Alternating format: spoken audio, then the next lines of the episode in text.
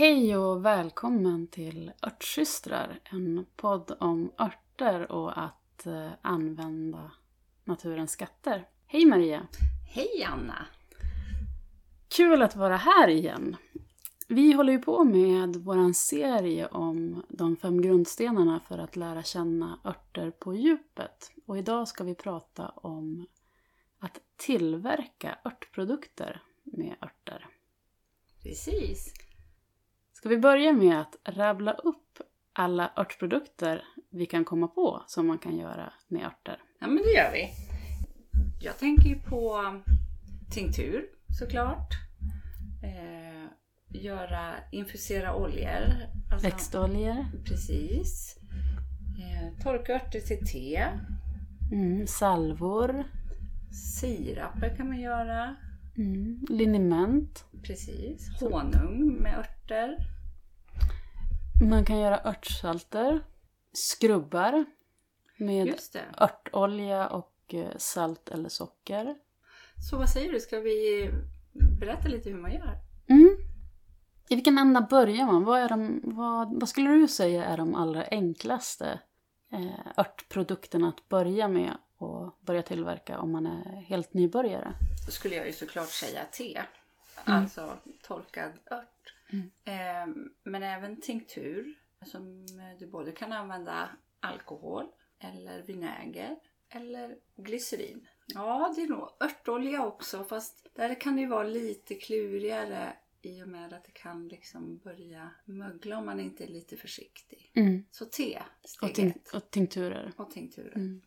Och en tinktur är ju super... Alltså te och tinkturer, man gör ju nästan på samma sätt. Man tar ört och så häller man vatten eller i fallet med tinkturer alkohol eller vinäger över. Och så ska det dra. Eh, och tinkturer ska ju dra två till fyra veckor. De är ju... Där får man ju ha lite tålamod. Ja. Men sen räcker de å andra sidan hur länge som helst nästan. Precis. Tinkturer är också väldigt bra att ha. Dels för att liksom använda örten om man vill ta doser av örten i örtmedicinskt syfte. Men det är också ett jättebra sätt att eh, spetsa till en annan örtprodukt. Till exempel en salva. Exakt. Så kan du tillföra tinktur. Men växtolja då? Ska vi prata lite, lite mer om just växtolja som är, kan vara lite klurigare? För det är ju en, också egentligen en, en ganska enkel produkt att göra. Som är himla härlig tycker jag. Den har många användningsområden. Ja absolut. Både som liksom ren olja som den är men självklart också att göra salva på. Mm. När man gör en örtolja så är det bra att ha en olja som är eh, ganska hållbar, alltså inte härsknar så lätt som typ olivolja eller eh, rapsolja Det jag väldigt mycket. Och sen är det också viktigt att produkten du ska använda är helt, helt, helt torr. Inte en lilla gnutta fukt eller dagg eller vad ska man säga. Eh, så även om den är färsk så ska den liksom vara torr. Mm. Och du säger, nu sa du produkten som du ska använda men där menar du örten? Alltså ja, jag menar, som du ska göra. jag menar liksom växten. Mm, mm. Precis, så man kan använda både torkad ört och färsk ört. Men ska du använda färsk ört så är det viktigt att den inte är fuktig. Och då kan man ju, för att säkerställa det så kan man ju låta den breda ut den på en kökshandduk eller någonting och låta den bara ligga och dunsta av. Och... Ja men precis, semitorka lite grann. Ja, halvvissna. Halvvissna, är jättebra på engelska finns det ju ett, ett ord som heter wilt. Ja. Som är väldigt bra. Vi har inget på svenska, inte vad jag vet i alla Nej. fall. Mm.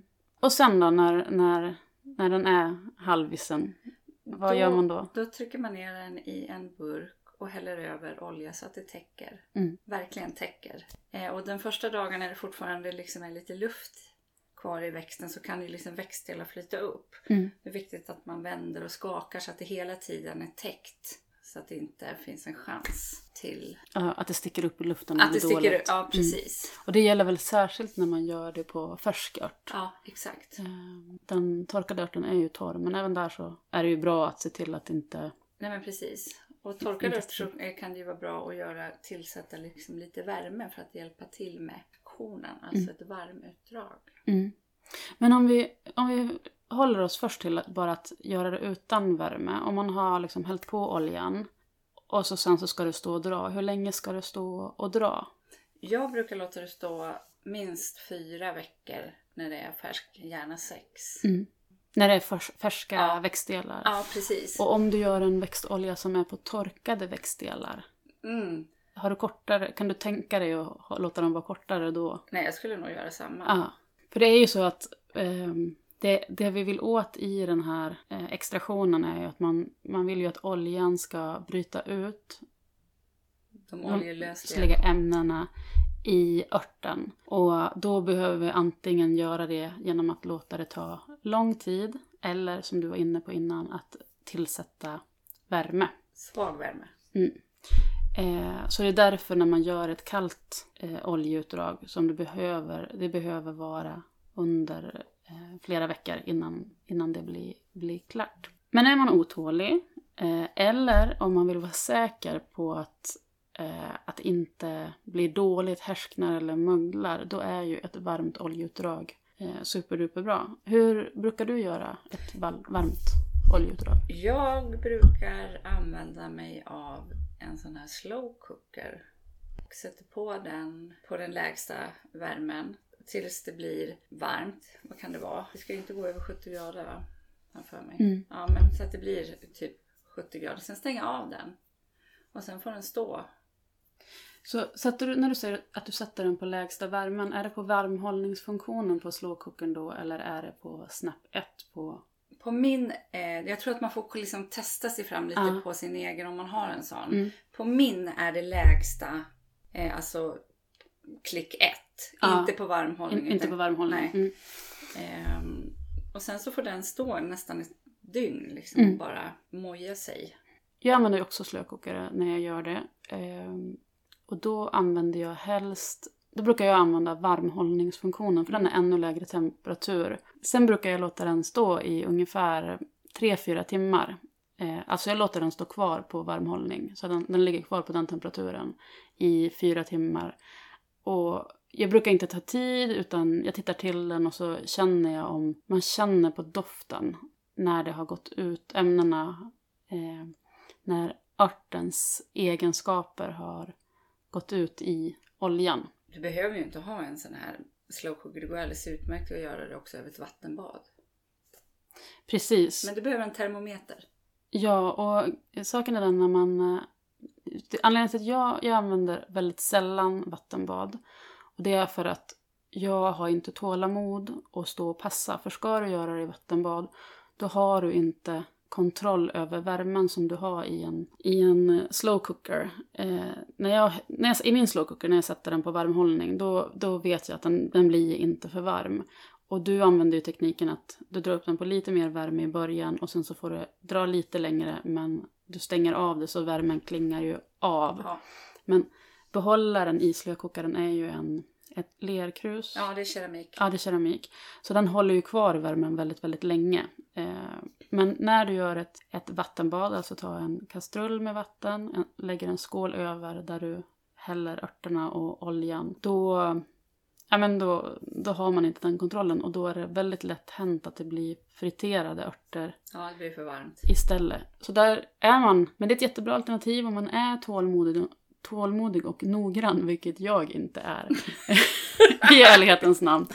Ehm, så, och ni hör ju att inte ens Maria och jag gör, vi använder båda, båda Ja. två sl- slökokaren, men vi gör inte på samma sätt. Och det är liksom, det finns, det är det som är det härliga med, med örttillverkning, att man, man kan göra på väldigt många olika sätt. Och man måste inte liksom följa en, en, en mall. Det jag brukar tänka på som kan vara bra är om man ska göra färska örter. Och särskilt när jag gör på örten våtarv som också kallas för na- nate och som är ett fetbladigt ogräs. Den innehåller ju väldigt mycket Vatten. ja, fukt i sig.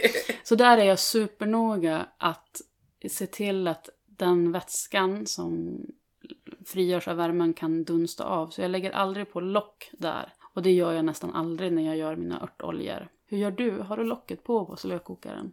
Inte i början, Mm. alltså, för då vill jag verkligen att det ska... Nu har jag mätt ut en, ett sätt som gör. Mm. Men när jag har, sen stänger av den så... Jo, men jag sätter nog på lock. Ja, för då, och, precis. Och det är, ju, det är ju logiskt eftersom du lämnar den så, Ja. så pass länge. Då vill man ju inte riskera att det kommer någon, någon, Någon fluga eller, eller så liksom. Eh, men vi kan väl också prata lite om tinktur. Så där, hur mycket örter ska man ta liksom, om man ska göra en tinktur? Mm. Hur mycket örter tar du? Ja, jag... Visst finns det någon sån här äh, att man ska ha en femtedel eh, viktprocent i förhållande till alkohol, tror jag, ört, om man ska hålla på och mäta och väga.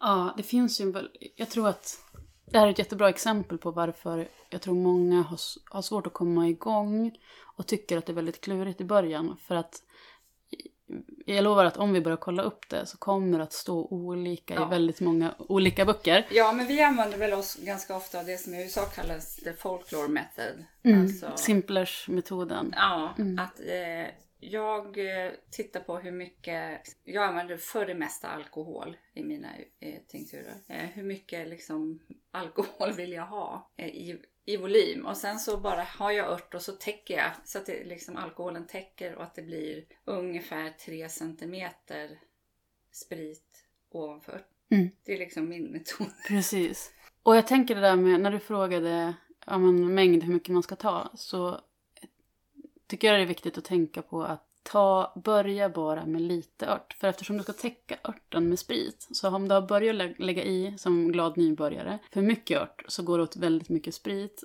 för Ja, att täcka tänker- örten.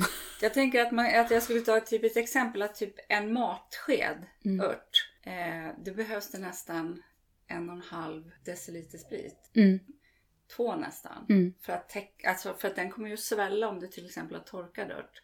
Så att då får, man, då får man en känsla av att det, går, alltså det blir mycket mängd vätska Mm. för att täcka örten. Så man kan börja med en tesked liksom. precis. Eh, Bara för att komma igång. För det är ju sen så att eh, tinkturer är ju en ganska dryg örtprodukt. Man tar Ja. ju bara det i några droppar, kanske från 5 till 30 droppar per dos. Så att en, en halv deciliter, Det är ganska mycket. ja, den räcker ganska länge. Men sen som Maria var inne på så när, den här metoden som vi berättar om, den här förenklade metoden där man egentligen bara tar en mängd ört, fyller på med, med sprit så att örten täcks gott och väl och har rum att svälla. Man får ju titta till den också efter några dagar och se om man behöver fylla på. Ja, En del sväljer mer än andra. Ja, verkligen. Rötter till exempel. Ja, det är ju, den funkar ju utmärkt för hemmabruk. Men alla som eh, säljer tinkturer, som tillverkar och säljer tinkturer, där är det ju en helt annan grad av noggrannhet som krävs. Ja, absolut. Och där mäter man ju också de verksamma. Alltså så, att- så att man gör en jämn produkt. Men så gör ju inte vi. Det här är ju för hemmabruk helt enkelt. Mm. Och jätteviktigt att säga att eh, vinäger har exakt samma funktion som alkohol. Bara det att hållbarheten kortas ett par år. Så man behöver inte ha alkohol. Nej, precis. Och det är, ganska, det är faktiskt en ganska vanlig fråga som jag får om man måste använda spriten eller vad det finns för, för alternativ. Och, men det som kan vara, det beror ju på ur vilket perspektiv som man vill undvika spriten. Om man, en del har ju ideologiska eller, eller religiösa skäl till att helt och hållet undvika sprit. Och andra kan ju bara vara lite oroade över att det finns en liten alkoholhalt där. Man kanske inte vill, vill eh, ta droppar av sprit under dagen om man ska köra bil. Om det bara är det att man vill undvika alkoholhalten i spriten, då är ju en teknik att göra det att droppa, alltså sen när man ska ta dropparna, att man droppar tinkturdropparna i hett vatten. För då dunstar själva alkoholhalten. Och det är också bra om man till exempel vill ge en tinktur av något slag till ett barn. Då känns det kanske inte jättetoppen att ge dem den spritdropparna så som de är. Så i ett varmt gott te till exempel kan man droppa i de dropparna. Växtoljor är ju väldigt användbara bara i sig själv. Eh, redan när, när, när växtoljan har dragit klart, eh, antingen efter en lång tid eller efter att ha varit uppvärmd, då silar vi den och ser till att hälla upp den i en flaska eller burk. Och för att få så lång hållbarhet som möjligt så är det ju viktigt att den får stå svalt Och mörkt. och mörkt. Och då är ju den en jättehärlig liksom, kroppsolja i sig själv. Den kan också användas som bas till en rad andra örtprodukter. Mm. Med örtolja kan man till exempel göra en salva. Väldigt enkelt. Man tar och tillsätter bivax och värmer upp det tills bivaxet har smält. Och sen rör du under tiden det stelnar tills det blir en krämig konsistens. Häller upp det på en burk och vips så har du salva. Och ett enkelt sätt att veta hur mycket bivax ska ha så har du en deciliter olja så ska du ha 20 gram bivax. Precis. Och det som kan vara bra att tänka på där är att man gör, när man värmer upp det och smälter bivaxet så gör man det i ett vattenbad. Ja, viktigt. Och det är för att bivaxet kan fatta eld om det blir för varmt. Ja, och sen var lite, tänk lite på vilka eh, saker du använder för det är inte alldeles enkelt kanske att få det superrent. Nej, precis. Så använd inte en visp. Nej. det blir väldigt jobbigt. Ingen visp. Så en, en liten, eh, jag brukar använda en liten slickepott hel, hela skedet liksom. Ja, ja. Ehm, för då kan man lätt också, för du vill helst få ut all, så mycket salvrest som möjligt från bunken innan du ska hälla, Eh, ja, när du häller upp den på, på burken och sen så att du har så lite salva kvar när du ska diska sen. För att eh, veta hur du ska diska den så kika in på mitt Instagram-konto. Där finns det en, om du scrollar ner i flödet under reels så finns det en reel som visar hur man gör när man tar sig an den mödosamma uppgiften att diska efter salvkok. Men det finns också fler saker som man kan göra med eh, växtoljan eller örtoljan. Mm. Tänker jag också på en, eh, en enkel kroppsskrubb som blir superlyxig. Du kan använda socker på örtolja eller salt på örtolja. Mm. Jag föredrar salt. Så då tar du helt enkelt örtolja och blandar med salt. Jag använder eh, sånt här Epsom-salt. Vad är det som gör att du föredrar salt framför socker? Eh, det är på något vis att min hud känns lenare efteråt. Mm. En annan produkt som man kan göra med eh, örtolja är ju liniment. Och det är ju helt enkelt bara en blandning man tar. Jag brukar ta ungefär kanske två tredjedelar örtolja och så en tredjedel liniment. Och då blir det en... En del tycker att det här är en ganska jobbig produkt för den, den har en tendens att skikta sig. Man får ha den i en flaska med pumphuvud, tycker jag. Och så måste man alltid se till att skaka den innan man använder den. Den blir lite blaskig eh, och vissa kan tycka att den är svårapplicerad. Men jag upplever att den är...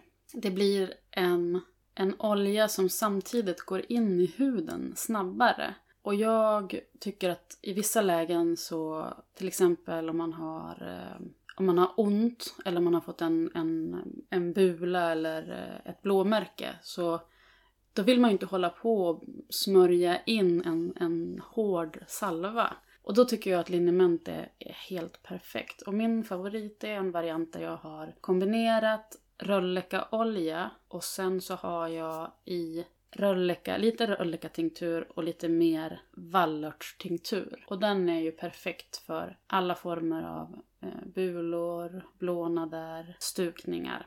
Det finns ju också en annan variant som vi använder mycket. Maria, vet du vilken jag menar? Nej, Nej! nu vet jag inte vad du tänker. En, en annan variant är, som, som jag använder väldigt mycket är johannesörtsliniment. Ja, Med johannesörtolja och Johannesörttinktur. ja, Fenomenal produkt. ja, för smärta, Bräns. värk. Och brännskador. Ja, och särskilt för småbarnsfamiljen. Alltså vid Växtvärk, växtvärk ja. är det helt makalöst bra att eh, gnida in på ömma små barnben. Ja. Vill man göra johannesörtsliniment då är det ju verkligen nu, nu, nu i mitten av juli som man ska ut och samla. Nästan sent. Äh, nu, nu, nu. Ja, nu, jo, nu, men nu. i, i Norrland. Ja, nu, nu, nu är det. Ja, de blommar länge. Nu, nu, nu ska det plockas blommor. För det funkar. Det här funkar bara med färska blommor Mm, och knoppar. precis. Så då gör man både ett liniment och en växtolja. Båda två på färska blommor och sen så blandar man ihop dem när de är klara. Med två tredjedelar olja och en tredjedel tinktur. Så gör jag. Du kanske kör 50-50? Jag, eh, ja, ja, det gör jag. Och så gör jag också en salva där jag har johannesörtolja och så har jag en 10% av oljans vikt är tinktur. Mm. Och sen har jag också i lite, lite cayennepeppar. Det är min supermuskelsalva Mm. som jag måste ha. Ja, den är fantastisk. Det här ett, har blivit ett extra långt avsnitt och eh, med massor av eh, tips på olika produkter som du kan göra med örter. Vi brukar ju försöka avsluta varje avsnitt med ett konkret tips. Så här kommer ännu ett. Och det är röllekaolja. Det tycker jag är en jättebra sommarprodukt att göra. Den är, du gör bara ett, ett oljeutdrag av röllekablommor. Och den här vill du göra varm så att den snabbt blir klar. Och inte vänta i fyra veckor. För det är just nu mitt i sommaren så, så är den toppen. Jag brukar använda den till att smörja in mina barn när vi är på semester nere i Kalmarområdet. Där så lyser alltid solen, barnen badar mycket. Och röllekaoljan hjälper att få solsveda att lägga sig och sen så är den också vårdande för huden. Sen dessutom nere i Småland så är, finns det mer fästingar än vad det gör här i Västernorrland där jag bor. Och jag upplever att sen vi började med den här rutinen att varje morgon och kväll smörja med röllekaolja så tycker jag inte att vi upptäcker lika många fästingar. Röllekaolja är också dessutom avstötande för myggor. Och det, brukar, det har jag testat på många människor, både på örtvandringar eh, kvällstid i norrländska sommarkvällar och även eh, när jag brukar ha yin-yoga i skogen så brukar mina deltagare få smörja in sig med det innan passen och det, det funkar faktiskt. Rölleka är faktiskt månadens ört på mitt Instagramkonto. Eh, lä- Läketrädgården utan prickar, Laketrädgården. Där så djupdyker vi varje månad i en enda ört och månadens ört är rölleka. Så vill du lära dig mer om rölleka så kika in där.